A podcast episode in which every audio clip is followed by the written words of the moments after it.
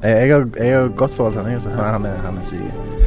Han, Jeg tar dere imot, dere får kaffe. Nå mista jeg lyden i høretelefonene. Der kom de tilbake. Ja. Ja, det er hyggelig å være her. Jeg er glad i, i podkast som fenomen. Her må ut. hjemme mot Lyngen Karnes gikk de på et litt leit 0-19-tap eh, Oh. her.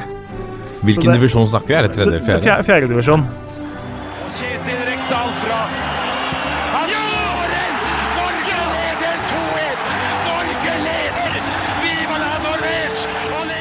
Og der er eh, toppfotball tilbake igjen, og la meg starte denne ukens sending med litt Twitter-poesi fra toppfotballvenn Øyvind Herrebrøden. Krum nakke, motstandermålet i sikte, svevende over gresset, ikke opptatt av hvor ballen er, men hvor den skal komme. Haaland jobber i futurum, mens vi andre har nok med å henge med i presens. Ja, det er, kunst. Hyllest til eh, Øyvind Herbrøn der, altså. Det var en liten saltvetthyllest i måten du leste på. Det var litt, det var litt Marius Skjelbæk møter uh, JP Saltvedt der òg. Jeg, jeg vet ikke hvem J.P. Saltvedt er. Er det han i NRK? Ja. Som uh, Skjelbæk paroderer? Yes. Ja, riktig. Ja, det er jo en, det er jo en nydelig Du har henta inspirasjon. Ja, eller det er, jo, det er jo bare å snakke litt dypt, i, litt nærme mikrofonen, så kan jo det meste kan bli litt eh, alvorlig. Ja. Nei, det var på en fint. eller annen måte. Tusen hjertelig takk. Tusen hjertelig takk. Eh, Jeg så han fikk eh, passe påskrevet også, og honnør fra sine kollegaer også. Det var nok litt mer ironisk distanse fra de, eh, vil jeg anta. Men nydelig ord av en mann som er god og flink med ord. Øyvind Herrebrøden. Eh, Lasse Wangstein, du har allerede meldt deg på. Ja, du meldte oss på. Jeg meldte Så dere på. her sitter jeg klar for en ny episode med Ja, toppfotball. Ja, for nå er vi, vi er jo egentlig midt eh, Det er jo vi er jo midt i en skvis nå. Det er jo landskamp i morgen her vi sitter. Så å drive og oppsummere liksom landslaget og snakke så masse om det Jeg skal ikke bruke så mye tid på det i denne sendingen, Fordi det kan jo fort hende at vi taper 0-6 i morgen mot Nord-Irland, og så blir alt vi sier bare piss. Ja, det hadde vært surt. Det hadde vært eh, bittert uh, på, på Ullevål der. Um, så, men vi skal, jo, vi skal jo snakke litt om det Må jo snakke litt om det senere, på, på noe av det vi har sett så langt. Så får vi satse på at Nord-Irland-kampen ikke ødelegger inntrykket fullstendig. Men uh, Jørgen Kjernås, velkommen. Tusen takk for det. D- Ditt humør er på stigende, i stigende form, antar jeg, nå som breddetreningene i hvert fall har begynt igjen? Ja, vi, det går jo riktig vei. Eh, jeg har vel sagt andre steder, jeg, har ikke, jeg klarer ikke å skjønne logikken, men jeg har eh, Så lenge ting går min vei, så gidder jeg ikke følge logikken. Eh, det er litt som en unge som får lørdagsgodt på en tirsdag. Da spør du liksom ikke foreldra dine hvorfor får jeg lørdagsgodt på en tirsdag. Altså, smitten er jo på vei opp, og det er litt sånn blodrødt her og der. Da skal det åpnes for breddetrening. Det, man sitter jo og er glad for det. Samtidig så skjønner man jo ikke hvorfor kunne det ikke åpne opp da i juli, hvor det liksom var ingen smitte i det hele tatt. Men så, eh, nå ser det jo i hvert fall ut som de av som håper at sesongen 2021 skal kunne gå under så normale omstendigheter som mulig. Vi har i hvert fall fått tent et håp, og eh, tredjevisjonsklubber eh, landet rundt har fått lov til å takle hverandre og markere på eh, dødball igjen. Så det har vært høyst nødvendig der, og så håper vi jo at det åpnes opp for de som spiller på lavere nivå så kjapt som mulig. Ja. Vi eh, har uh, mye å, å dekke i denne sendingen. Vi skal snakke bitte litt om landslag i, i uh, pulsen. Um, uh, vi må innom Ålesund Gate, rasisme, rasismesaken også. Nå eh, er det en oppdatering da fra norsk uh, toppfotball. Uh, vi har en gammel kjenning som er tilbake i norsk uh, fotball. I tillegg så satses det på Toten mot Eliteserien. Det blir, det blir spennende å se om de klarer å få til det. Og så har vi en haug av lyttspørsmål selvfølgelig å gå gjennom. Men nå er det ukens tulpan og kaktus. Nå må de faen meg skjerpe seg, så kommer jeg å rive hodet av hver enkelt av dem.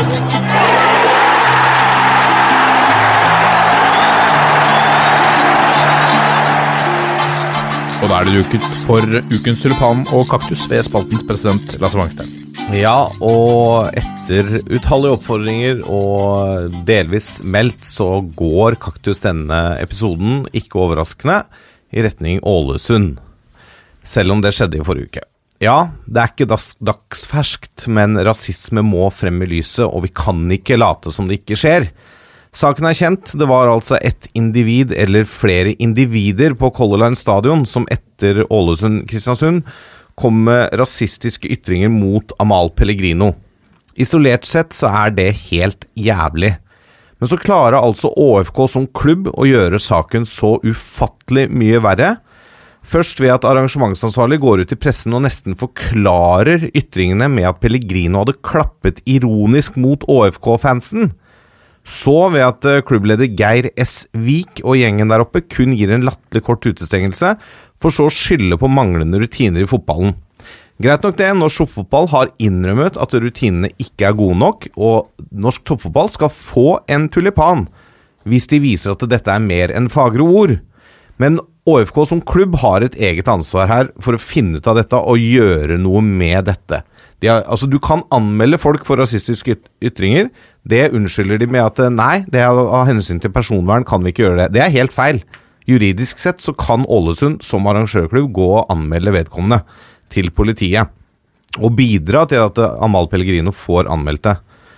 Og da utestenger du ikke vedkommende som kommer med disse ytringene, en drøy sesong.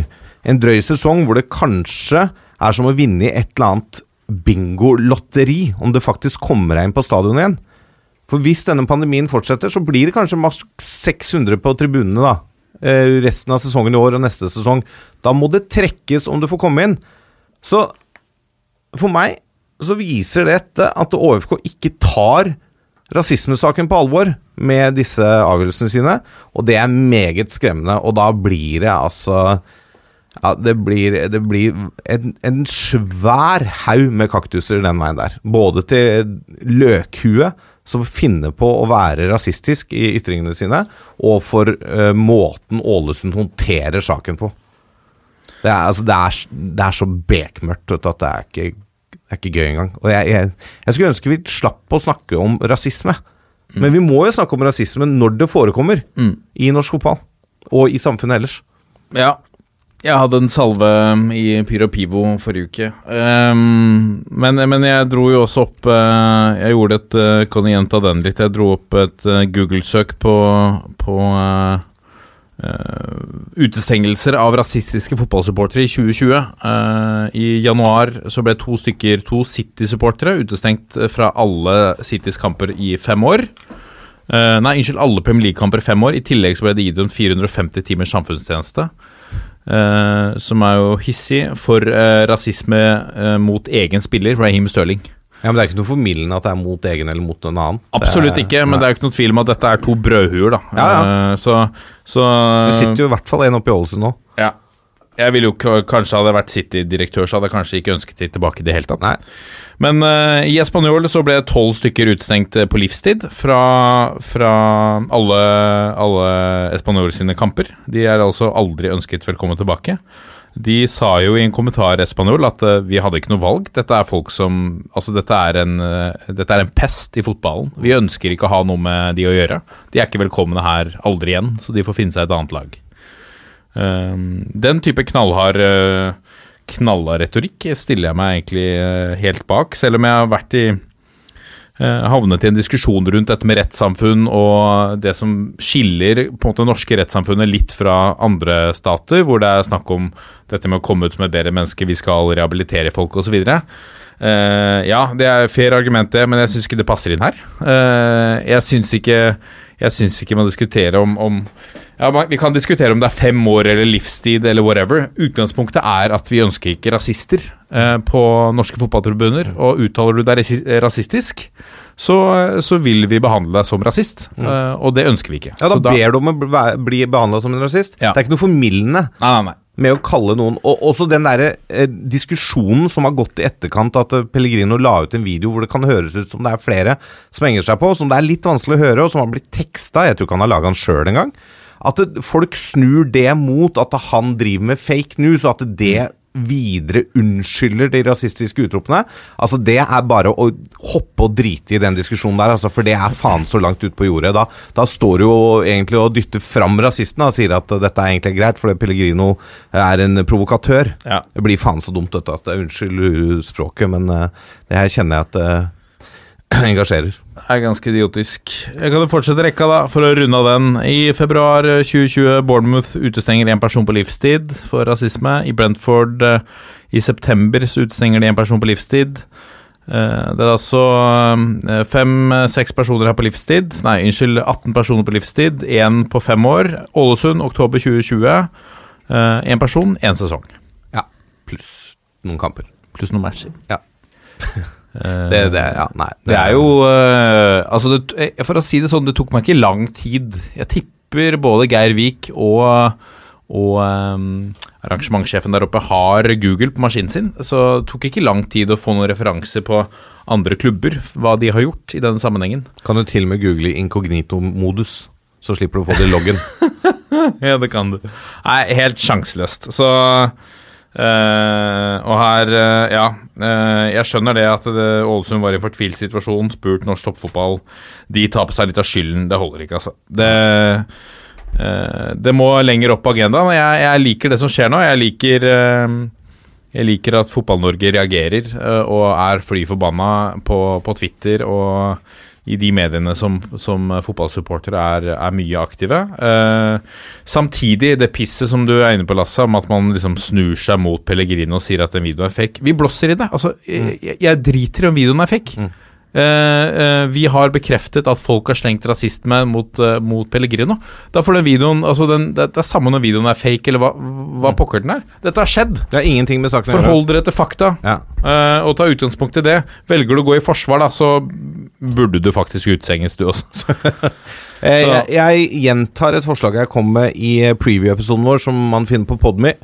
Det er at eh, ut årets sesong, og gjerne hele neste sesong også, alle lag som møter Ålesund, uansett om de møter Ålesund på hjemme- eller bortelagbadet, de tar med seg de røde korta de har fått utdelt av norsk toppfotball, hvor det står i rasisme rødt kort, og så viser samtlige elleve spillere som starter den kampen ved oppstilling der, det røde kortet hver gang de møter Ålesund. Bare for å ytterligere bevise hvor lite norsk fotball setter pris på båten det, det rasistiske i det, og måten Ålesund håndterte det på. Og det bør begynne på Nadderud i helga, mellom Stabøk og Ålesund. Og det bør jo begynne går til fra. Tangotrøyene bør jo stå fremst i toget her. For Ja, å, men det eh, Helt ærlig, jeg forventer ikke så mye derfra akkurat nå. Altså. har, du noe, eh, har du noe på plussida? Ja, vi har tulipan òg, vet du. Det er bra. Ja. Forslag til episodens tulipan Den er sendt inn av um, breddefotballoraklet Jørgen Kjernås. Det er meg. Det er deg. I forlengelsen av episoden Martin hadde med mentaltrener Louise Rogers Holte og tidligere toppspiller Torstein Andersen Aase, så ønsker vi i toppfotballredaksjonen å hylle spillere som setter mental helse i fotballen på agendaen. Spillere som tør å vise sårbarhet og vise at mentale utfordringer faktisk er noe som kan ramme oss alle. I det siste har tidligere Vikingkeeper Erik Arnebrott, tidligere RBK junior og stortalent Steffen Mathisen og Adama Diomande i forskjellige kanaler åpnet eh, opp og fortalt om de mentale utfordringene de har ved toppfotballen og livet som toppidrettsutøver. Vi hyller dem for å stå fram med sine historier, og for å tørre å være ambassadører for et problem jeg personlig tror er større i fotballen enn mange egentlig tør å tro på. Vi trenger disse ambassadørene for å normalisere mental helse. Det skal ikke være, og kan ikke være, skam rundt det å ha mentale utfordringer, selv om du er en godt betalt fotballspiller. Så tulipan til alle som tør å stå fram der og si vet du hva, jeg sliter med men mentale helseutfordringer av og til, selv om jeg er fotballspiller. Og det gjelder jo andre aspekter av livet òg. Det å tørre å stå fram. Vi har snakka om det før, dette med at det, hvis man ser på statistikken over antall homofile i samfunnet, så bør det være noen spillere i toppfotballen som er homofile. Jeg håper, vi, jeg håper vi i min levetid får oppleve at vi får toppspillere i norsk toppfotball som tør å stå fram og være ambassadører for at det er helt greit, Mm. og at vi har klubber som støtter spillerne sine for sånn de er skapt. Ja. Nei, absolutt. Eh, Jeg syns jo, si, jo Arnebrott eh, som keeper på særdeles lavt nivå selv. Så kan man jo relatere en del av det han sier til keeperplass nå. Altså, det er jo en den posisjonen på banen som egentlig krever mest av på en måte det mentale og det å være sterk i huet, da. Eh, og han på en måte som unggutt òg, og så kommer du på trening med eldre folk du ikke kjenner, og så på en måte blir det litt sånn Og så skal du spille kamp, og du skal stå bakerst og på en måte være den avgjørende siste skansen for et lag med ganske store forventninger til seg, da.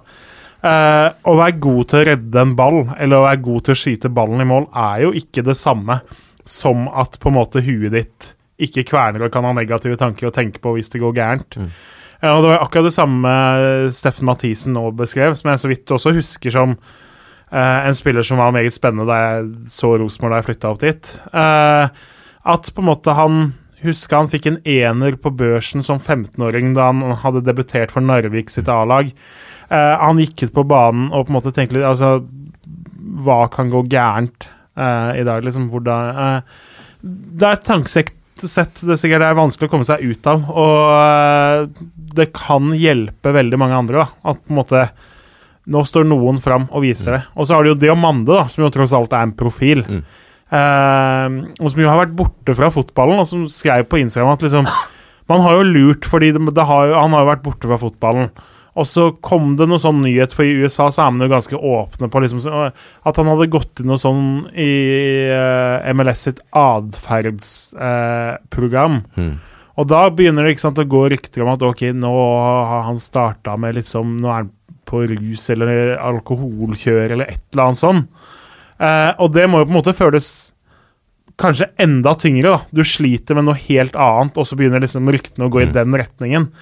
Eh, så for hans del også Jeg håper jo og tror kanskje på en måte det kan være litt sånn bør av skuldrene når du faktisk har orka å fortelle hva det faktisk er. Da Da vet folk hva det er. De trenger ikke tenke at uh, Diomande sitter på en måte med flaska. Det er faktisk noe helt, helt annet som er årsaken. Eh, og det er jo for så vidt litt godt òg, hvis det går an å si det sånn. på en måte. Og, altså, så all ære til alle disse tre og alle andre som står fram med det.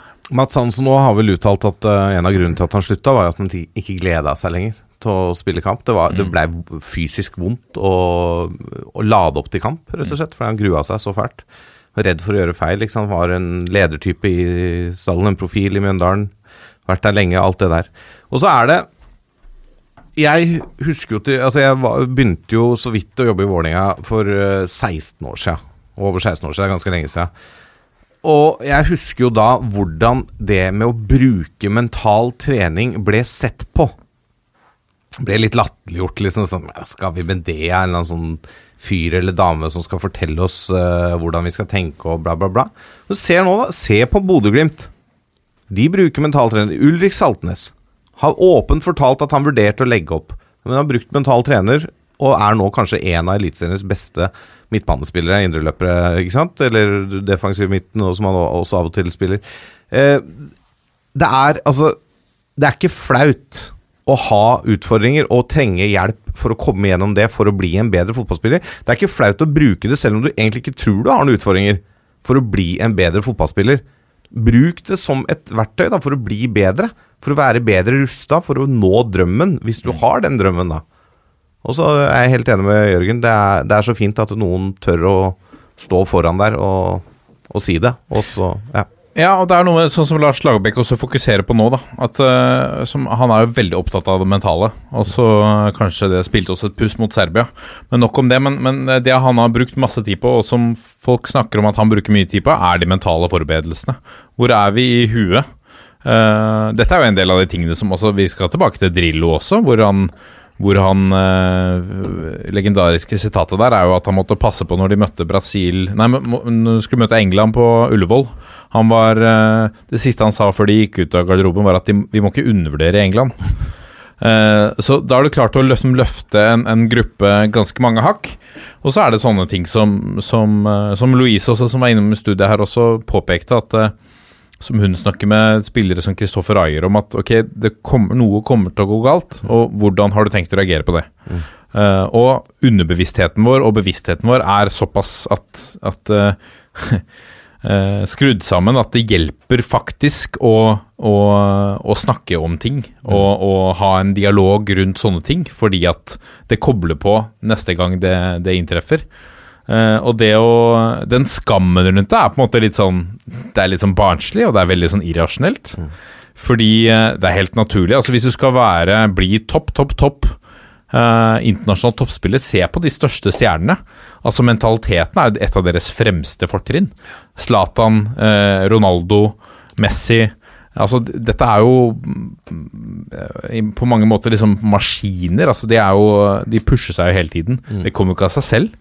Nei, nei. Så eh, jeg likte også for så vidt veldig godt som eh, Jens Petter Hauge, som hadde en litt annen vinkling på det, som egentlig eh, er jo verdt å tenke på også, er at han ønsket ikke å benytte seg av, av mentaltreneren i Bodø-Glimt.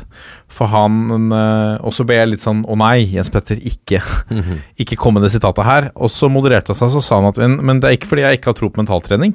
Jeg vil gjerne ha en mentaltrener, men jeg vil ikke ha han tilknyttet klubben jeg spiller i. Nei. Jeg vil det skal være en helt ekstern ressurs, som ikke har noe med noe laguttak eller noen ting. Uh, og som ikke Sånn at jeg risikerer at ingenting kan, kan lekke rundt til- til klubben, da. Helt fair eh, holdning, og så fikk jo han eh, Nå husker jeg ikke hva han heter, han i, i Glimt. Bjørn Mannsverk. heter Bjørn Mannsverk, ja. Er det i familie med Sivert? det. Tror jeg mer er en tilfeldighet. Ja. Eh, Han uttalte i hvert fall at det, det som blir sagt her, det blir jo mellom meg og spiller.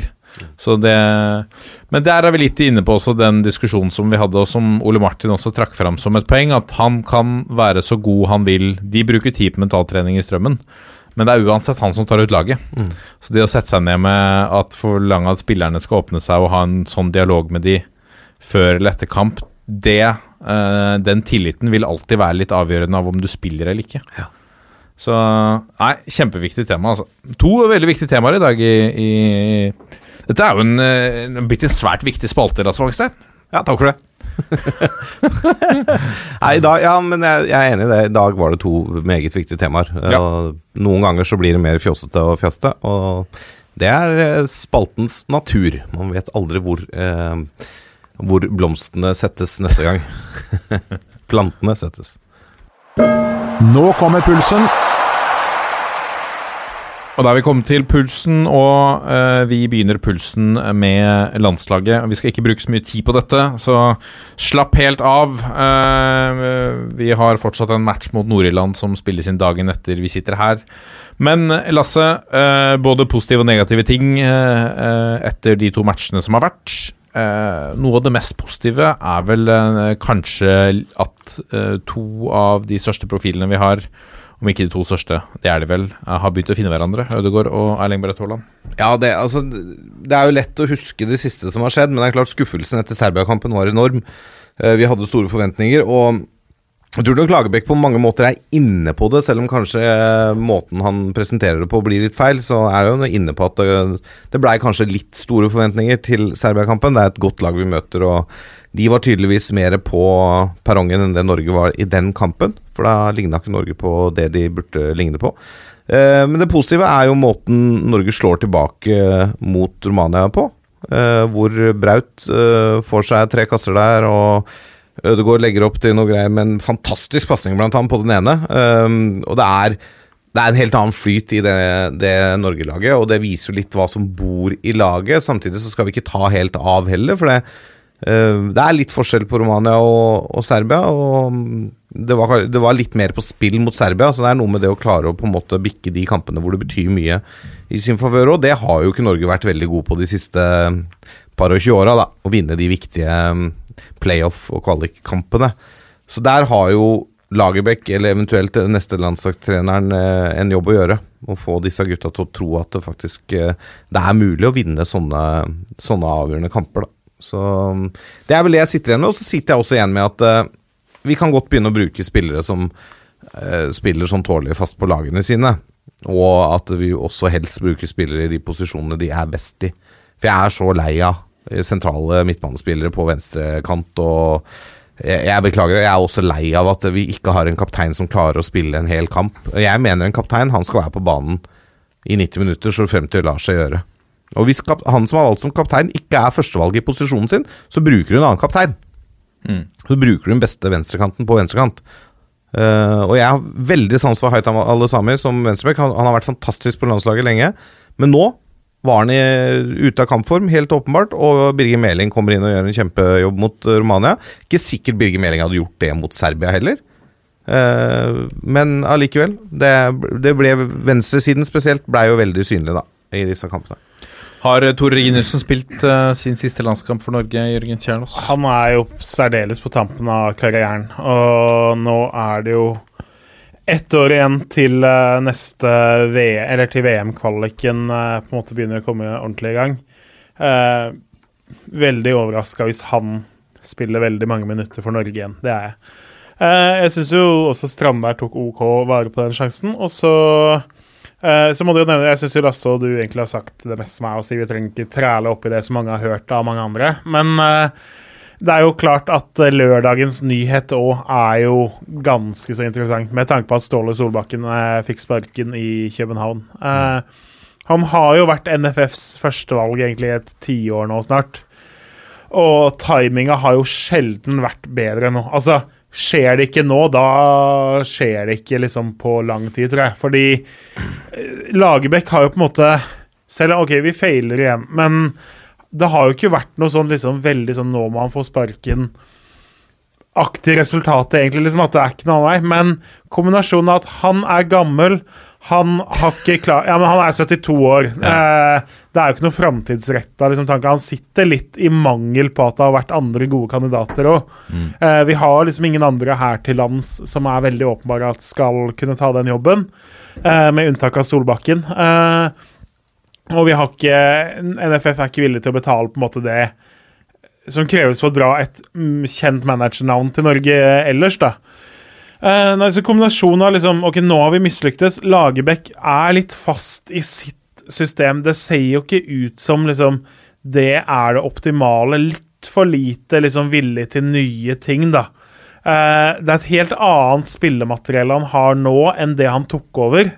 Uh, de offensive brikkene er av en helt annen dimensjon. Vi har bytta ut bønder med både si, hester og løper og konger og dronninger. Eh, så det er liksom kombinasjonen av alt gjør at jeg tror jo eh, Lagerbäck også er, ser den, på en måte.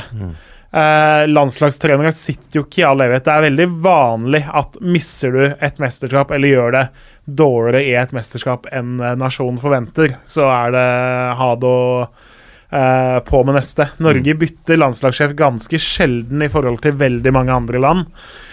Eh, så altså, Timinga er så god nå. Solbakken har på en måte ikke Han har vært i Köln, han har vært i Wolverhampton. Ingen av de funka. Selv om København var gode i Europaligaen, så har de ikke vært så gode i hjemlig liga. Liksom, det bugner jo ikke på av tilbud fra større liga for han nå, sannsynligvis. Uh, så timinga gjør jo at uh, det, er, det er vel gode sjanser at når han kommer til enighet med København på en måte om sluttpakker og litt sånn, så uh, blir Ullevål hans neste kontor. Ja, eh, jeg tipper jo at Lagerbäck leder laget ut 2020. Og så har jeg jo den derre skrekkscenarioet jeg presenterte på Twitter. Det er jo at han sitter ut 2020, de gjør en evaluering og bestemmer seg for at det nok er nok. I mellomtida, rett før de rekker å bli ferdig med det, så har Solbakken fått et tilbud han ikke kan si nei til. Og så får Solskjær sparken i United, and the rest is history. Ja, at Solskjær kommer inn? Ja. Ja, for jeg eh, Jeg er ikke overbevist om at Solskjær er en veldig god landslagstrener. Ikke jeg heller. Det er hele poenget med den, Ja. det Og det er, eh, det, er litt, det er litt dumt, for det blir man eh, Det tipper jeg at man på Ullevål også ser seg litt blind på. At han er eh, Det er klart kan man. Ja, at man kan hente Men jeg er ikke, jeg er ikke overbevist om at Solskjær er en veldig god Premier League-trener heller. Men, men jeg tror han er en, eh, og det er jeg overbevist om, jeg tror han er en veldig god United-trener. Ja. Fordi, han, eh, fordi han har historikken og sånn. Mm. eh, Og kjenner klubben og vet hva som skal til, og har lært av den beste. Og er flink på å videreføre det, og er flink til å trykke på litt knapper og sånn. Men jeg er ikke så sikker på om at han ville fungert i så veldig mange andre klubber. Og, eh, og landslaget er en egen greie. Ja, Og der, og der, må du, der kan du ikke spille på gammel historikk og disse tingene her. Der må du liksom begynne på blanke ark. Og av kandidatene som er nå, da, så mener jeg også at Solbakken er det beste alternativet. Ja. Jeg vil ikke ha noe opprykk av Smerud nå. ikke sant? Jeg vil ikke at Perry skal ta, ta over fordi han har vært assistent og nå fortjener han sjansen. Nå må uh, NFF sette seg ned og bare bli enig med Lagerbäck. Og det, det er ikke fordi at jeg syns Lagerbäck har gjort en dårlig jobb, men det er som Jørgen sier, det har noe med timingen å gjøre. Nå er førstevalget tilgjengelig. Da må det ageres. Da må de gjøre noe med det, og så må de få inn førstevalget. Og Så får vi se om det funker, men det er, han har vært førstevalget så lenge, så nå må han få muligheten hvis han har lyst. Han har jo sagt det sjøl, han har lyst til å trene Norge. Nå, er, nå er sjansen der. Han kan vel tenke seg også med retur og litt nærhet til Hamar og Ja, mulig. Det er vel, jeg vet ikke hvordan Da får han fulgt opp Markus litt mer og Ser ikke ut som han, trenger så sånn mye Han holder på, så er det ikke så lenge før han ikke er på Hamar lenger. Nei, han trenger ikke så mye oppfølging akkurat nå, han. Den skåringa der, den har vi fått eh, mye lyttespørsmål om. Ja. Men ja, nei, eh, det blir eh, spennende å følge det, da, hva som skjer, eh, utviklingen på trenersiden. Men det går jo, vi kan jo i forlengelsen av det eh, Det ryktes jo i, i, eh, i dansk presse, er det vel, at eh, en viss eh, Bodø-Glimt-trener er en av favorittene til å komme inn som FCK-trener. Det er vel ikke noe dårlig valg sånn hvis du ser i skandinavisk mål, for FCK, men er han altså er han stor nok for det allerede? Ja, altså dette, Disse ryktene kommer vel sannsynligvis litt av sånn Ok, hvilke trenere i Skandinavia gjør det bra nå? Og litt sånn odds-setting, hvor han kom, fikk ganske lav odds, men det er vel David Nilsen som er odds-favoritt. Eh, jeg er usikker, altså. Uh, Kjetil Knutsen har jo bygd et team i Bodø-Glimt. Han han er jo ikke alene om det som skjer i Bodø. Uh, skal han ha med seg alle sammen? Uh, skal han dra aleine eventuelt? Eh, og så Det er jo krise for Glimt. Man bare tar med seg hele gjengen. Ja, det er kjempekrise, ikke sant. Og så har jeg litt lyst til at han skal Ja, ja. Være der oppe, ja, altså, og se hvor, hvor bra kan dette Glimt-laget bli på sikt. Er det en døgnflue denne sesongen? Det er jo ikke det, for de var gode i fjor òg, men altså Klarer han å gjenskape suksess neste år? Det er kjempeviktig for norsk fotball at du har Ellers så er det tilbake der hvor det er bare Rosenborg og Molde som kjemper om gullet. Nå har du en liksom Nå har du en tredje at vi kan ha tre lag da som slåss om et seriegull. Det er jo helt Ja, det, fantastisk. det er akkurat det der, så jeg vil jo ikke for norsk fotball sin del at han går til FCK.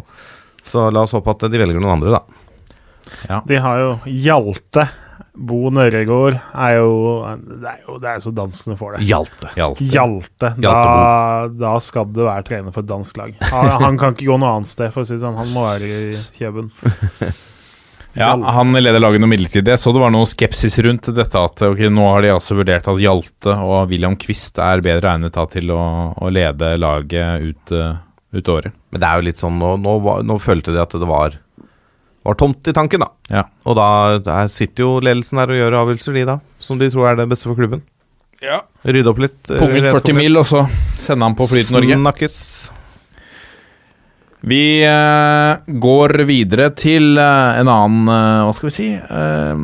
noe annet som har vært i mediebildet. Det er jo ikke så ofte, det har vi kommentert tidligere, at Odd markerer seg i, i rikspressen. Men det tenkte Einar Aasbakk at han skulle gjøre noe med, så han kjørte på med noen ordentlige salver i retning egen klubb. Og Eh, da var han arbeidsledig. og da var han ferdig. Så det likte de ikke. Det er jo Vi må jo ta den litt hvis den er noen som Altså, Keepertreneren var jo egentlig ferdig etter sesongen. Valgte jo å lange ut mot uh, sportssjef Tore Andersen uh, ordentlig, både i Thea og Varden, på Når var det? Lørdag, eller et eller annet. Uh, og slakta jo egentlig sportssjefen ganske grundig der. Og det er klart at, han, at det kom mandag, at han er ferdig nå på dagen, det var jo årets minst overraskende nyhet. Men jeg syns jo Det er jo ikke bare liksom sinna manns ralling heller, på en måte. Det, man får jo inntrykk av en keepertrener som tross alt har vært der nå eh, i 12-13 år, som faktisk genuint bryr seg om keeperne, eh, og som faktisk vil målvaktenes beste, eh, og er misfornøyd med behandlinga. Ja, for de har surra mye med Egil Selvik og uh, Vilja Myra og det greiene der. Ja, ikke sant? Det, start, ikke sant? det var jo de to eksemplene. Altså, Selvik var jo Obos-ligaens beste keeper i 2018. Har nå, planen var jo at han ble henta inn, skulle være et år som andrekeeper. Så skulle Sondre Rossbakk, som er sønn av keepertrener Einar, som har langa ut bare for å gjøre det enda mer intrikat, eh, så skulle jo selv, Selvik egentlig være førstevalg nå. Eh, Så er jo ikke Sondre Rossbakk solgt. Selvik eh, ble nekta overgang til Bodø-Glimt, som la inn mange bud på han i vinter. Eh, Er misfornøyd fordi han føler at han er jo lova på en måte få stå Ellers burde han jo blitt solgt. Vilja Myhra avslo de et bud på 3-4 millioner fra start. Halvannet år seinere går han gratis til godset. Og selv om han ikke var god i fjor, så har jo han hatt en solid sesong i Drammen nå. Eh, så så jeg skjønner jo på en måte Rossbakk også, men det er jo ikke helt vanlig å på en måte brette ut alt uh, i avisa og sånt, men han skal vel pensjonere seg, skal han ikke det? Han følte han ikke hadde noe å tape, og på en måte Han trenger ikke tenke relasjoner eller liksom renommé med tanke på neste arbeidsgiver. Han skal liksom ikke søke jobb hos en annen eliteserieklubb i morgen. Eh, så han sto på en måte fritt til det, og da syns jo jeg det er gøy med de som bare liksom Nå, få det ut. Han ville bli martyr, rett og slett. Ja, men det er, det er jo gøy. Det er jo ikke Ja, det er jo freskt. Ja, ja, jeg synes, altså, Kom mer hvis du mener, og så er jo, kan, kan man jo Går man liksom inn og analyserer det veldig, så kan du si at det der er bom, og det er jo ikke helt sånn og litt sånn, men jeg, jeg, syns det er friskt, jeg syns det er gøy, og det Ja. eh, Odd, Odd sørger for å få litt oppmerksomhet på en morsom måte. Som, eh, som eh, Hvis vi skrur eh, klokka da ja, 14-15 år tilbake eh, Du kom på jobb på mandag, og Gjermund Østby i Vålerenga har gått ut og totalslakta eh, hele Hvem er som var eh, sportssjef på den tiden? da, vel fort. Ja. Ja. Slengt han under bussen. Som, eh, som pressesjef da, eller mediesjef i Vålerenga, hvordan hadde du Hva hadde du gjort, da? Nei, altså det hadde jo blitt en hektisk dag. Ja. Det er ikke noe tvil om. Men, eh, og det hadde blitt eh, hektisk, for det, hadde- sannsynligvis blitt en del møtevirksomhet internt. eh, med en, et pressekorps som lukter blod. Og hadde dette skjedd i Vålerenga, så da hadde det vært Tigeren, kanskje? Da hadde det vært, opp, hadde det vært oppbud på Vallefeltet, altså. Og da er det jo på en måte å få ut noen sitater, ikke sant, og skjønne, eller få folk til å forstå at nå, nå må vi faktisk snakke. Nå, nå nytter ikke å strutse seg gjennom dette og håpe at det går over, for det, dette blåser ikke over. Eh, så altså, jeg skjønner jo Odd, at de bare blir enige med Rossbakk nå, at eh, takk for alt, ha det bra, du kommer ikke på jobb noe mer. Vill teori. Kanskje han har vært i, i uh, diskusjon med Odd om en sluttpakke, og de har sagt på nei, du kan bare fortsette ut sesongen. Det er greit. Én telefon til Thea og, og et par uttalelser, og så er det Ja, løst. jeg, jeg, jeg tror ikke det, for de var enige om å avslutte dette. Men uh, nå klarte han ikke å vente lenger, eh, åpenbart. Uh, en annen vill teori er jo at han gjør jo dette for å ta bort fokuset fra Odds dalende formkurve, og at eh, det gir sportslig litt mer eh, ro til å sette laget inn mot helga. Men eh, det blir for snevert, det òg, ikke sant. Dette er noe han har båret på lenge. Altså, dette var vulkanen som, uh, som brøt ut. Altså, det var eh, det, han, har, han har vært åpenbart misfornøyd lenge, og så kommer han ut med det sånn som han opplever det, og det må vi ha respekt for. Og jeg er helt enig med Jørgen, det er gøy at det, det smeller litt. Mer av det. Jeg tror ikke det Jeg tror ikke det mm, svekker omdømmet til verken fotballen eller Odd i det lange løpet heller. Nei, nei, nei. Det, det tåler vi. Ja. Apropos smelle litt. eh, Vi har en mann som er, er glad i å melde litt, og det liker vi. Nå er han tilbake i norsk eh, fotball. Kamer Kaka har signert for eh, Kongsvinger. Og han har jo Han stakk eh, nesa godt fram for eh, da han spilte i Kristiansund, Lasse. Hva er det Kongsvinger får tilbake nå? Nei, de, de får jo en spiller med en urokkelig tro på seg selv og egne ferdigheter, da, først og fremst. Eh, han er jo en av få som omtaler seg selv i tredjeperson. Jeg mener jo at det er ikke så mange som egentlig har lov til det, og det inkluderer jo Kammer. Maradona gjorde vel det, Mohammed Ali gjorde vel det, og det er Tarzan. Tarzan, selvfølgelig, men det var kanskje litt mer sånn språkutfordringer. Men eh, at han på en måte hadde vokst opp ikke blant folk, da. Så han hadde Ja, ikke så mye språk. Eh, men eh, Det har jeg ikke tenkt på, faktisk, men det har du rett i. ja, det er Sosialantropologen. Det er vel. Kamer vokst opp på Brandbu. Det kan jo hende det er litt Det er jo ikke så mye med folk der På heller. Er det ikke det? Er Jo. ikke det? Ja. er, Ja, oppe så i lende. Ja, det er ikke så mye folk der heller, mener du? det er uff, det er da dårlig Dårlig for Brandbu-folket. Ja. men det er greit. Ja, nei, men altså eh, Kamer Chaka, er ikke han Kaka? Det kan ja, godt Vi sier Kamer Kaka. Alle skjønner hvem vi snakker om.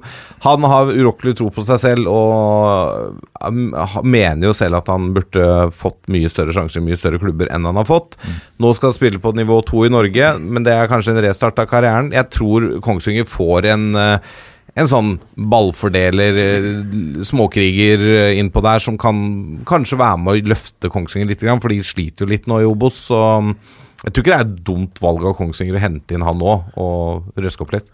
Nei, altså, det, det har jo vært eh, litt rundt han, på en måte. Altså, det har jo vært mye klubbbytter, men det er klart Kongsvinger er jo katastrofesesong. Eh, de er, når en sånn spiller dukker opp, så kan du ikke tenke på alle menn prikk, prikk, prikk som er ved en spiller. Eh, De får inn en spiller som er mer enn god nok for det laget som ligger som jumbo i Obos-ligaen. Eh, Da må du bare hoppe på. Mm. Eh, men, Og det er en profil. ja, ja, det er Nå har jo ikke sannsynligvis noen av oss her til lands omtrent sett han spille fotball siden han forlot landet. Eh, men han har jo alltid Han var jo et kjempetalent, og så gikk jo veien via diverse klubber. Eh, men eh, ja, jeg blir overrasket hvis han ikke hever det Kongsvinger-laget. Mm. Men vi må jo, apropos altså han er, Brandbu er jo på Hadeland. Det er jo litt, så- litt morsomt at en fra Hadeland veldig ofte sier farvel til klubbene sine. Det er godt poeng. Nå er han tilbake i første divisjon. nå. Der ble han kåra til årets spiller i, i 2016 av uh, NTB. Var du med på det, eller, Jørgen? Nei, da hadde Nei, jeg har ikke vært med på det. Uh, han var jo i Hønefoss en tur òg. Da spilte han jo venstreback, så uh, litt fiffig variant. Ja. Fungerte Så der.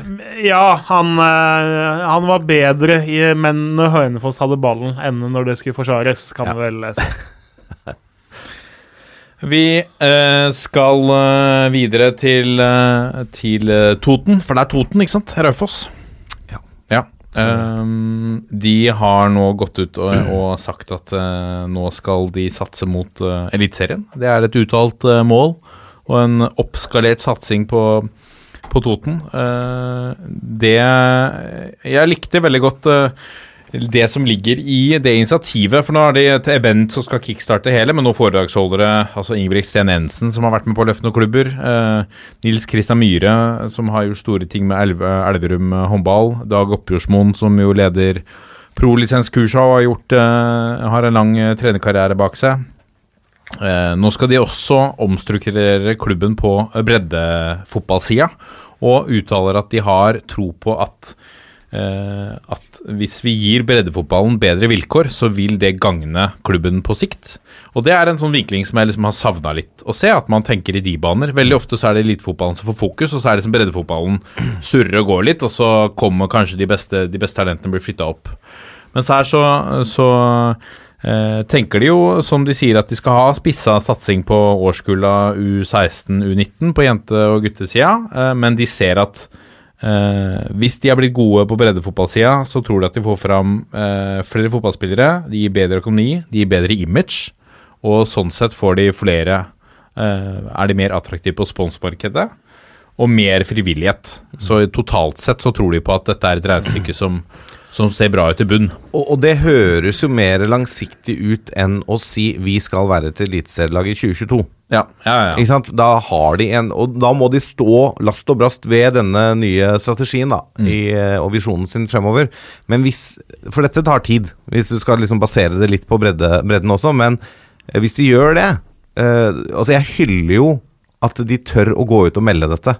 Jeg hyller satsingen, og jeg håper de lykkes, fordi det høres veldig fint ut. Det høres veldig bra ut, og det høres veldig riktig ut. Eh, og det er litt som du sier, da, at eh, kanskje de genererer et par-tre ekstra spillere som får muligheten til å være med på en spissa satsing. Mm. Så det er ikke sikkert alle blir Raufoss-spillere på A-lagsnivå, men kanskje noen av de blir solgt til andre klubber. At de kan produsere toppspillere. Eh, og få litt, eh, få litt sånn eh, utdanningskompensasjon og sånne ting. Eh, det tror jeg er en god eh, start for å bygge et fremtidig eh, topplag. Da. Blir du glad i hjertet, Kjærlås?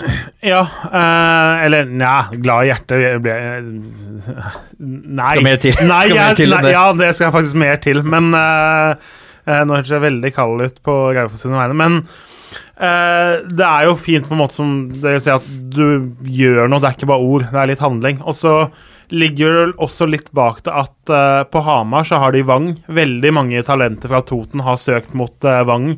Du har NTG på Kongsvinger som et alternativ. På Raufoss har du vel ikke hatt noe fullgodt skolealternativ da, for de som vil bli gode.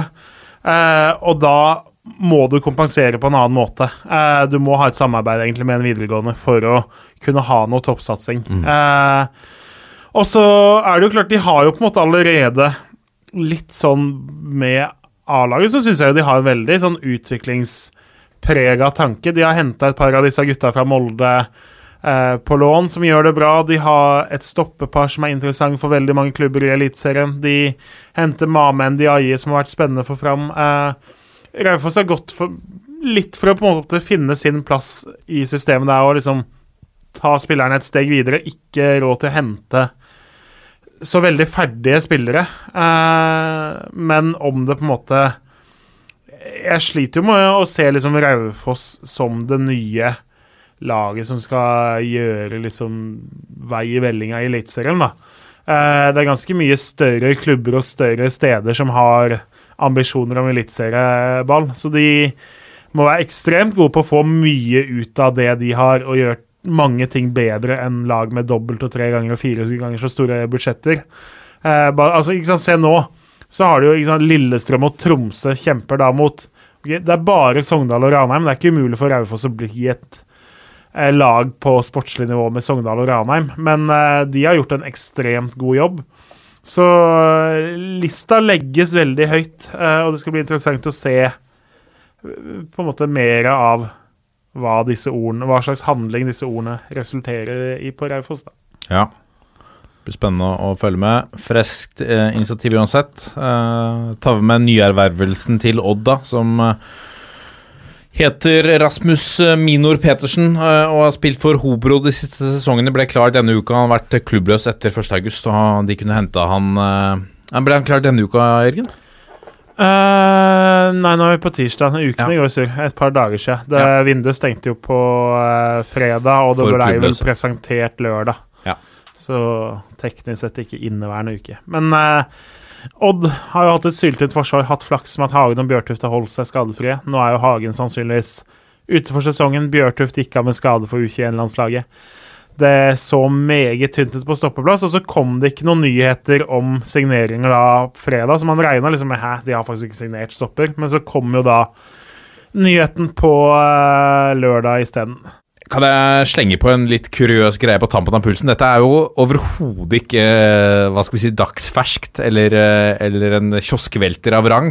Men det er morsomt når det dukker opp. Jeg fikk eh, tilsendt fra min bror en profil på IMDb, hvor man som oftest går inn for å lese karakterer av filmer osv. for å finne ut om det er noe verdi å sette seg ned med en, en, god, en god film og, og lese litt om skuespiller osv. Her er det jo selvfølgelig fritt fram for skuespillerne, regissørene, alle disse aktørene å lage sin egen profil og skrive akkurat hva de vil i den Som profilen. Som TV- og filmverdens eh, Wikipedia? På mange måter, ja. Men jeg tror nok eh, på Wikipedia så har du litt strengere sånne moderatorer. De er raskt inne for å korrigere om du kommer med selvskryt, f.eks., eller Ja. om du overdriver ting. Eh, disse moderatorene er åpenbart ikke inne på IMDb. Eh, her har jeg fått tilsendt fra min eh, bror eh, Kjetil, takk til deg, min bror, eh, eh, profilen til Nicolas Hollender. Vi skal nå tilbake til, til Horten. Eh, 2000, nei, unnskyld. eh, 1997, tenker jeg. Nicolas Hollender inngår da i A-stallen til Ørn Horten.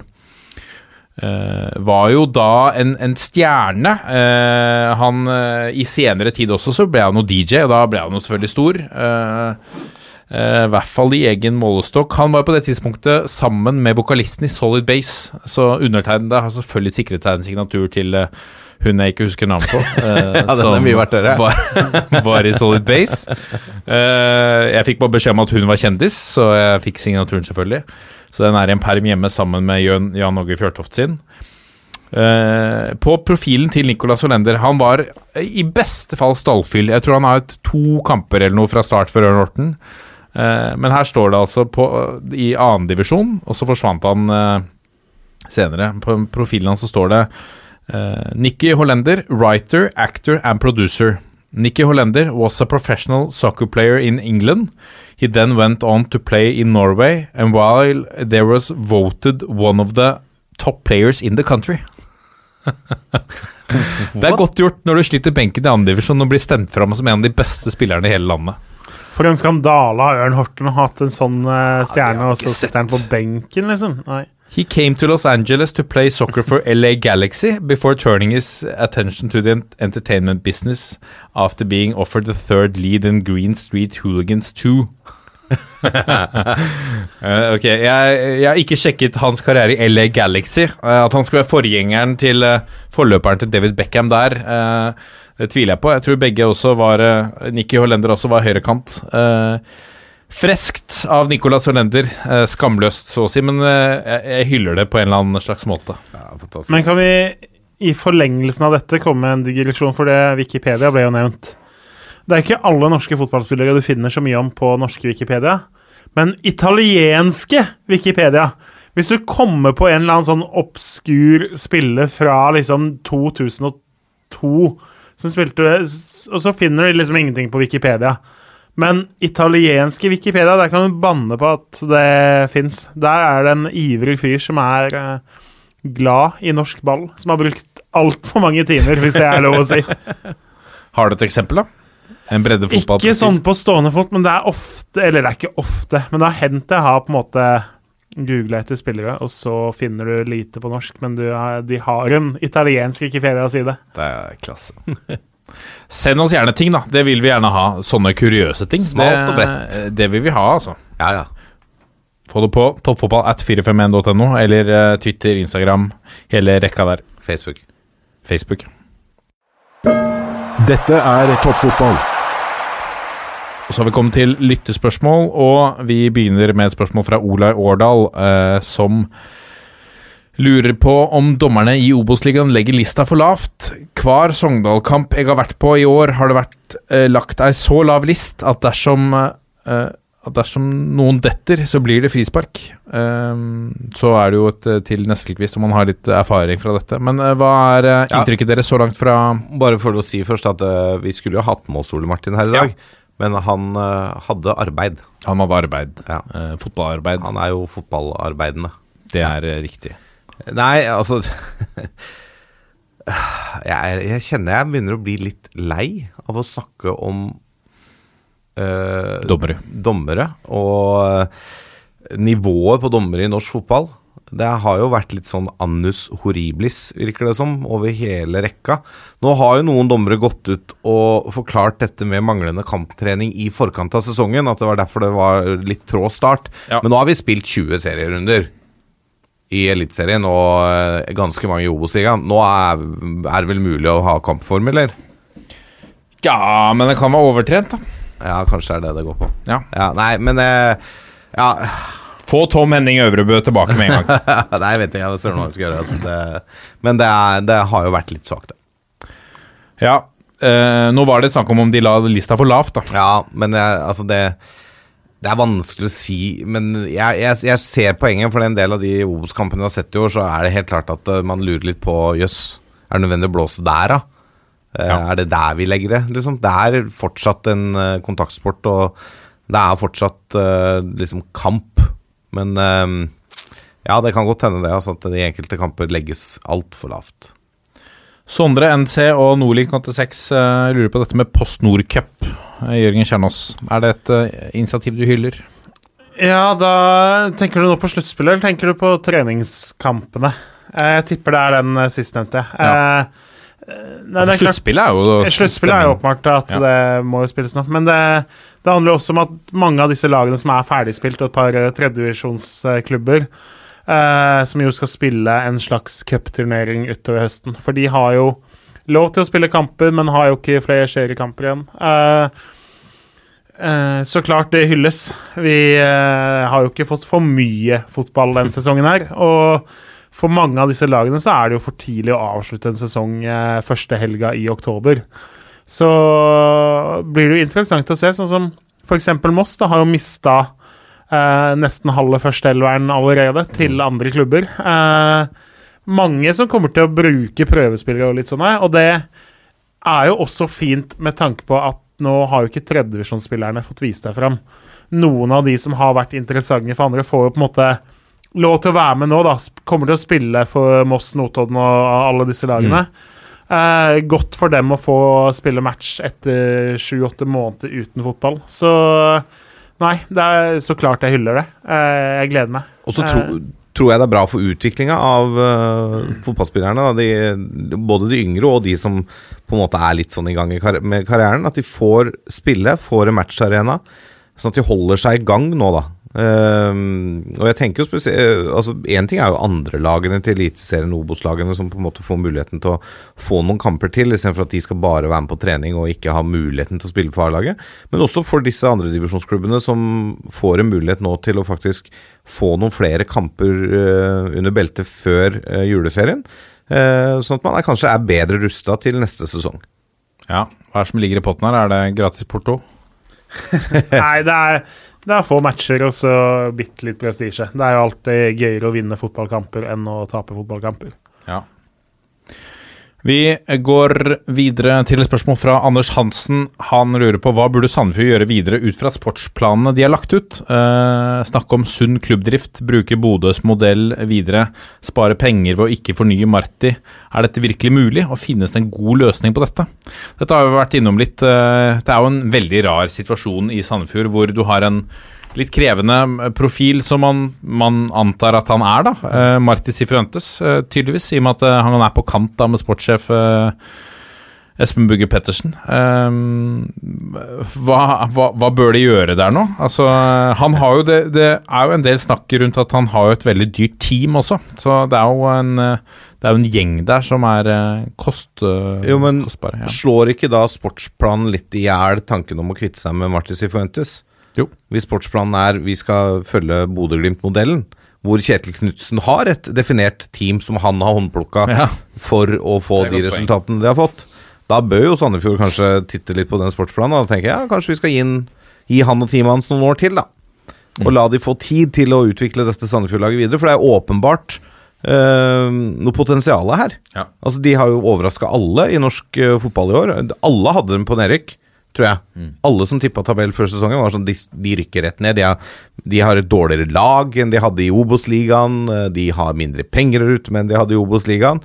Dette ryker på huet og ræva ned igjen. Dette er vel fort den kanskje nest beste sesongen de har gjort i historien i Eliteserien. Nå er Ja, jo ikke ikke ferdig, men Nei, er Bohinen sin eh, sesong der var jo sterk, selvfølgelig. Ja, men, nei, men jeg, ja, jeg syns du slår at uh, argumentene fra sportsplanen slår i hjel uh, kravet om å kvitte seg med Sifuentes. Da. Jeg synes det, jeg har jo Jeg skal glatt innrømme at jeg har ikke lest eh, finlest eh, sportsplanen. Jeg sitter og blar litt i den nå. Eh, det starter med at de skal være topp ti i Norge. Det er jo et litt hårete mål for eh, et lag som Altså, de har jo lavere budsjett enn flere av lagene på nivå under. Eh, så det er jo et lag som er rundt 20.-plass på budsjettabellen i Norge akkurat nå. Så Eh, og så, jeg, så kommer jeg til det punktet hvor det på en måte handler om spillerstallen. Og litt med sånn De har delt i fire kategorier, da, altså sånn som mange andre. De skal ha peak-spillere som er 24 til 30 år, holder høyt nivå, er, har høyeste lønnsnivå og sånn. Og så på en måte ned til at de har uh, det samme som holder høyt eliteserienivå og sånn. Men disse liksom toppspillerne sine, som skal være best betalt og sånn, de, de, de skal være i sentrallinja, da i lagets 4-3-3. Keeperen, en stopper, en defensiv midtbanespiller, en indreløper, en spiss. Uh, så det er litt sånn eh, Du må ikke låse deg for mye heller. Uh, du kan ikke komme Hvis høyrebekken er den mest rutinerte og den største stjerna og den best betalte, så kan du liksom ikke du må få lavere lønn fordi i sportsplanen vår så står det at du hører til spillerkategori B, ikke spillerkategori A, på en måte. Espen Ruud kommer nå og Så, så, altså, sånne planer det er jo alltid fint å styre etter, men du kan ikke låse deg helt.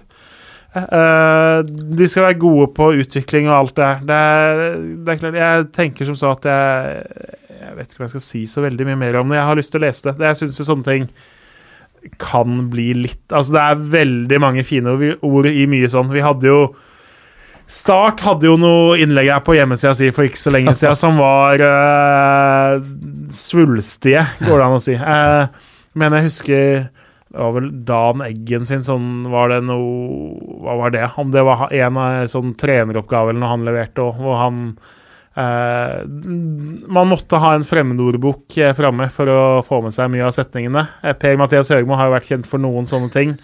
Eh, Start gikk litt i den fella med noe de hadde ute nå. Eh, Sandefjord så fin og oversiktlig ut, den, men det, det kreves mer enn på en måte god spillerlogistikk og uh, spillerutvikling for å være topp ti i Norge, da. Eh, til slutt så går det ikke an, nesten uansett hvor godt Sandefjord gjør det, at de er et stabilt topp ti-lag i Norge.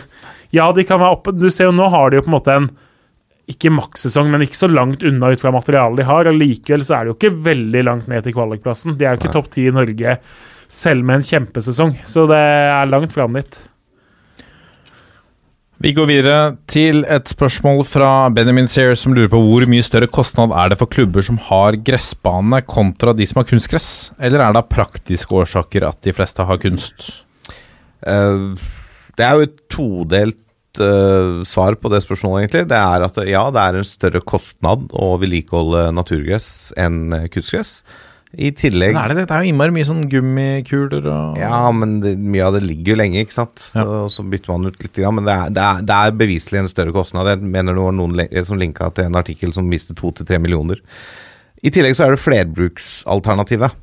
Altså Har du kunstgress, så kan du i teorien trene på hjemmebanen hver dag. Du, juniorlaget kan trene på hjemmebanen hver dag. Andre lag i klubben kan trene på hjemmebanen og spille kamper på hjemmebanen hver dag. Ehm, og u, uten at det blir dyrere, fordi at du må bytte ut gresset oftere. Altså Det blir jo slitasje på kunstgress, så det må jo byttes ut etter hvert. Men totalkostnaden blir lavere, og du får et flerbruk. Um, altså Da Vålerenga og Lyn spilte sammen på Ullevål, i tillegg til at du hadde landskamper og cupfinaler Og det var konserter? og, Ja, men det var før konserttida, òg. Okay. så, så blei den banen slitt ja. på det. ja, Altså, det, var, det var en dårlig forfatning. ja, og det var, de hadde en av de beste sånn eh, greenkeeperne eller hva det heter i, i Norge.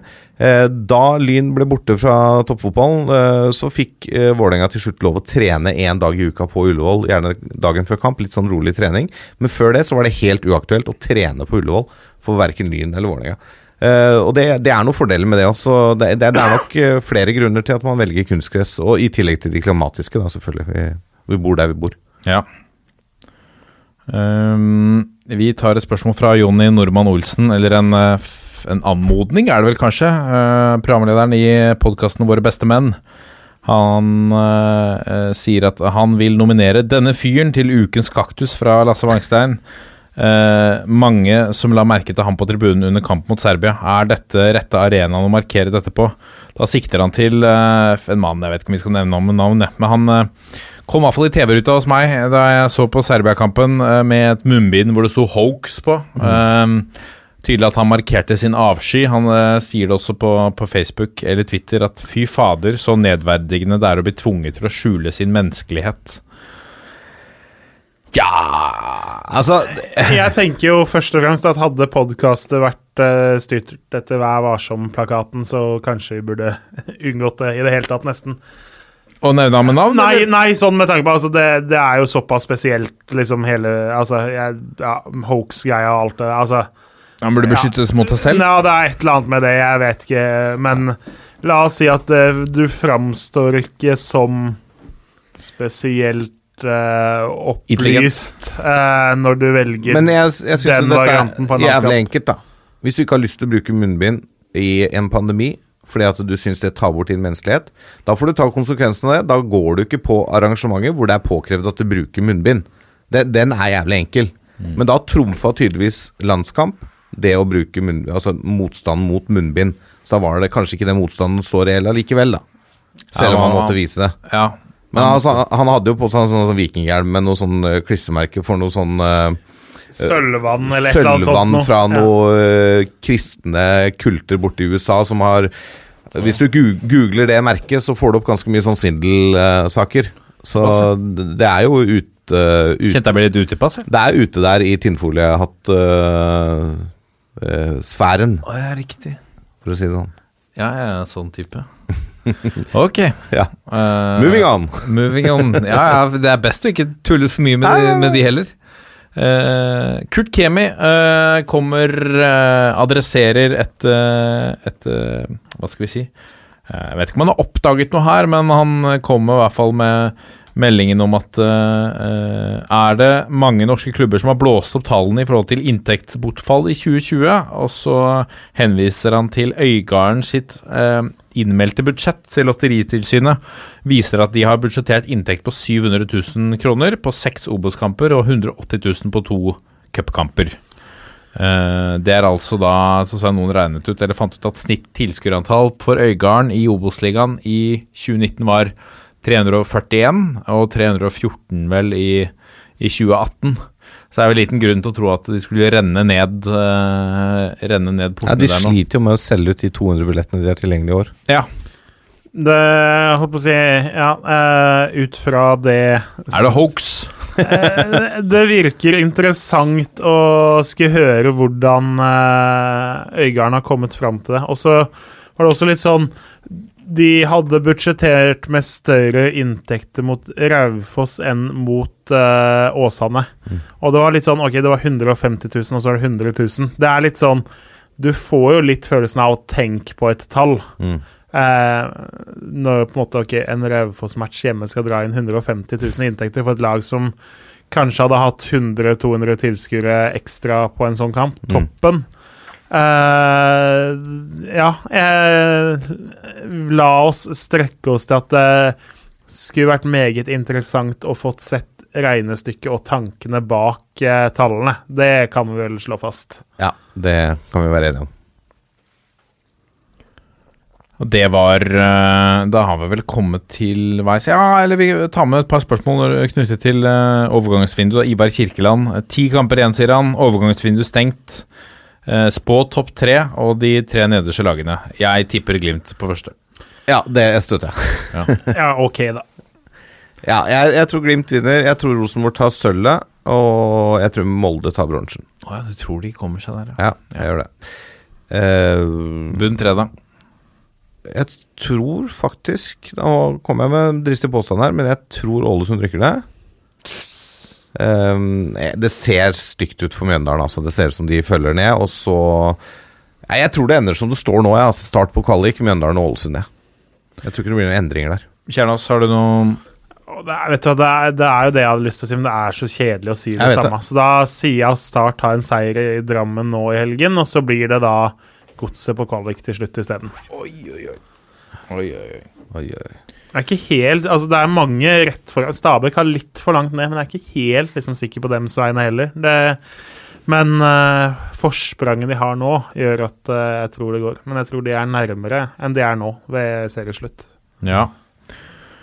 Um, eh, Og så var det, var det ikke noe om vindu der òg? Jo, eh, Bjørn Rudsagen. Ja. Eh, hvem gjorde de Vi har jo snakket om de som eh, kanskje burde eh, gjort et bedre overgangsvindu. Er- Mjøndalen burde signert en spiss, eh, blant annet.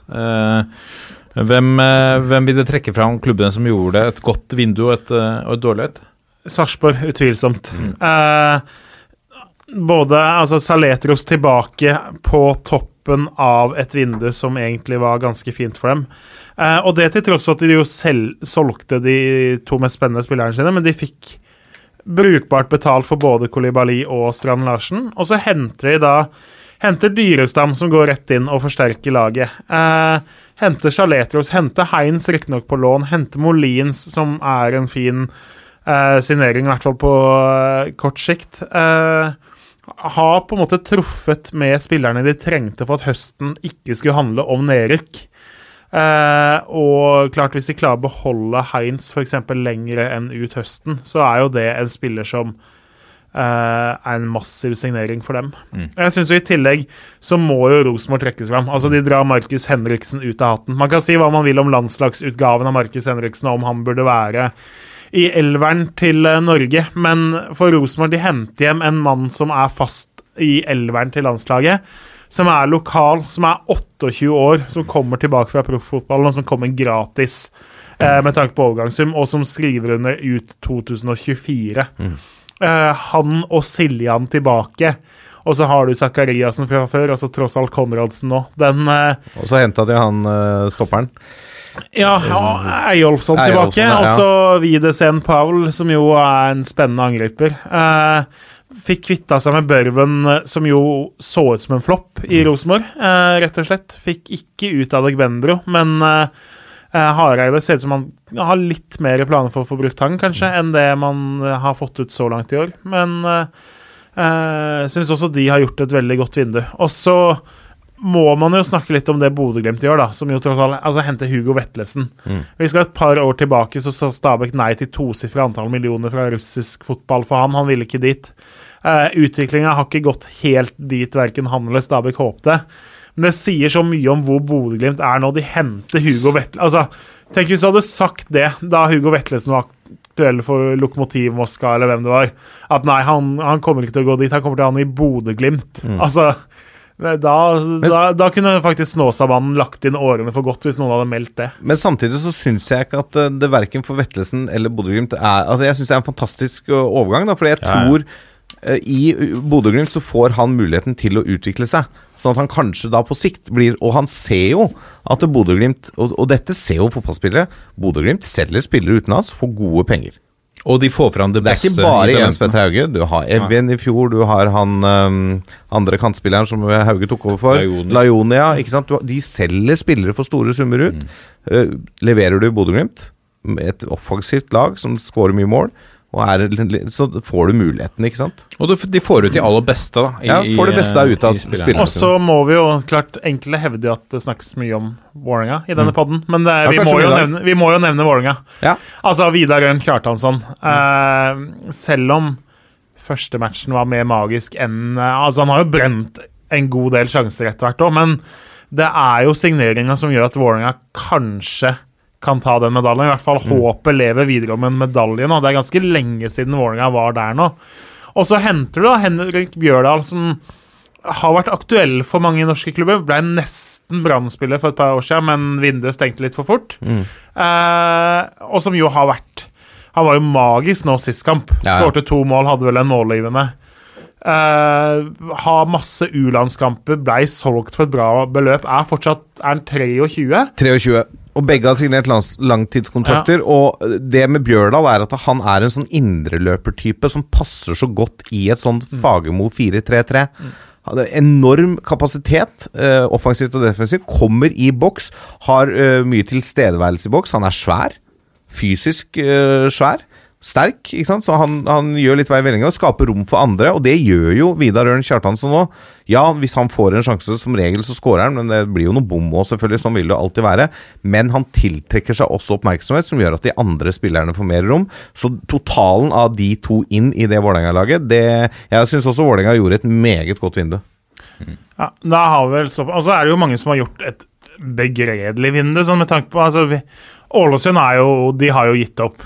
Eh, når de solgte Gretarsson Greit at de har fått Stoppeplassen skjønner jeg, fordi stoppeparet de har med Klinkenberg og Karamoko, gjør at Gretarsson ikke er så viktig. Men når de selger Fridjonsson uten å hente en spisserstatter, så viser det jo egentlig at eh. Glem 2020, liksom. Det er 2021 det, det handler om. Ja. Eh, Haugesund, det er klart, nå får vi se hva disse to danskene står for, da. Men eh, eh, de sitter utsatt til, altså. Det, det har ikke vært fulltreff eh, hele tida der eh, så langt. Eh, Brann kan vi jo for så vidt trekke fram som har gjort et ganske OK vindu, de òg. Så Fjørlusson, Rasmussen og så Sander Svendsen. Jeg syns de ser ut som et sterkere lag enn det de gjorde for tre uker siden, i hvert fall. ja, enig. Og så er det veldig mange som er litt sånn på vent. Veldig mange hakk Altså typ Viking og Kristiansund, for eksempel, da. Eh, det er for langt opp til medaljeplass, men plassen er sikra Kristiansund er ikke så langt opp, da, men liksom Ingen av dem ser ut som de har veldig troa på den sesongen. her Det blir en femte, sjette, sjuende, åttende, niendeplass, noe sånt noe. Eh, det bærer litt vindupreg av. De har ikke hoppa på den derre siste lånesigneringa som de ville gjort i normale tider uten korona, med en mer forutsigbar økonomi. Eh, har heller på en måte vært, valgt å være nøkterne eh, og realister. Så litt sånn grått og traust egentlig isteden. Ja. Grått og traust er ikke denne gjengen som sitter her. Eh, eh, neste uke er, er dere jo Har dere gjort dere selv utilgjengelig for innspilling? Ja, så, sannsynligvis. sannsynligvis. Ja, vi får se. Vi får se. Lover ingenting. Det er spennende. Det blir spennende å følge med, da. Ja. Eh, da må vi kanskje Følg hente med inn noen podkastmaskinen nær deg. Ja, da må vi kanskje hente inn noen eh, gode erstattere. Har et par på blokka. Det blir spennende å se. Jeg hører Ståle Solbakken har litt tid om dagen. Han eh, har Han ønsker Men- Han ønsket å bruke litt tid på å samle seg, så skulle han uttale seg senere. Men da må vi Det var fint, fordi vi fikk jo masse spørsmål om eh, sønnen Markus. Markus, ja, det er riktig. Vi må jo ja, hylle det på den. Altså. Herregud, for et Det er jo eh, Det mest overraskende er at det ikke liksom har kommet den nyhetssaken eh, HamKam-supporter lasta opp Solbakkens mål på pornonettside. De, de nyhetene kommer jo liksom hver gang det er et sånt mål. Eh, altså, det er jo Ja.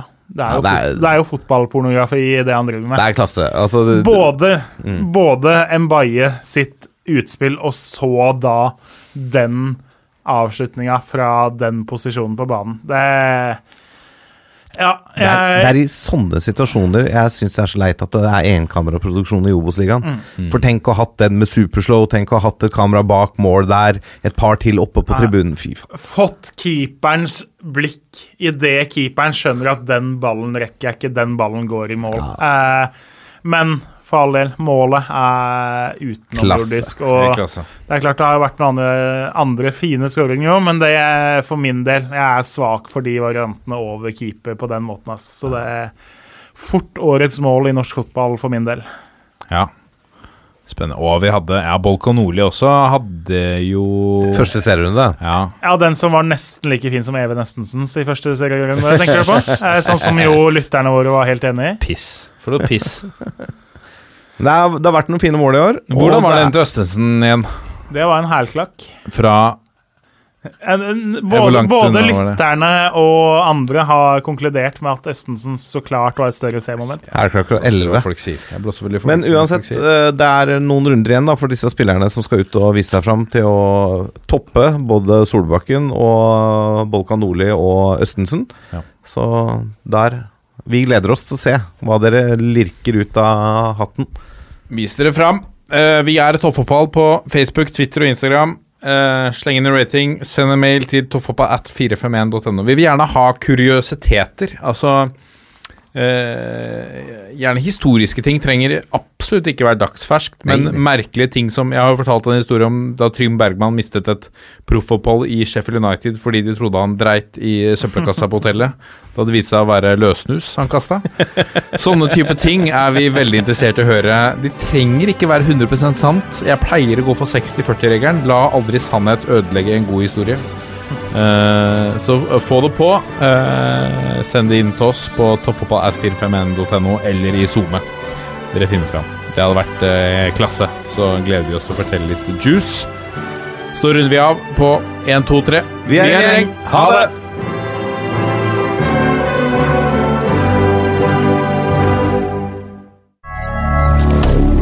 Moderne media.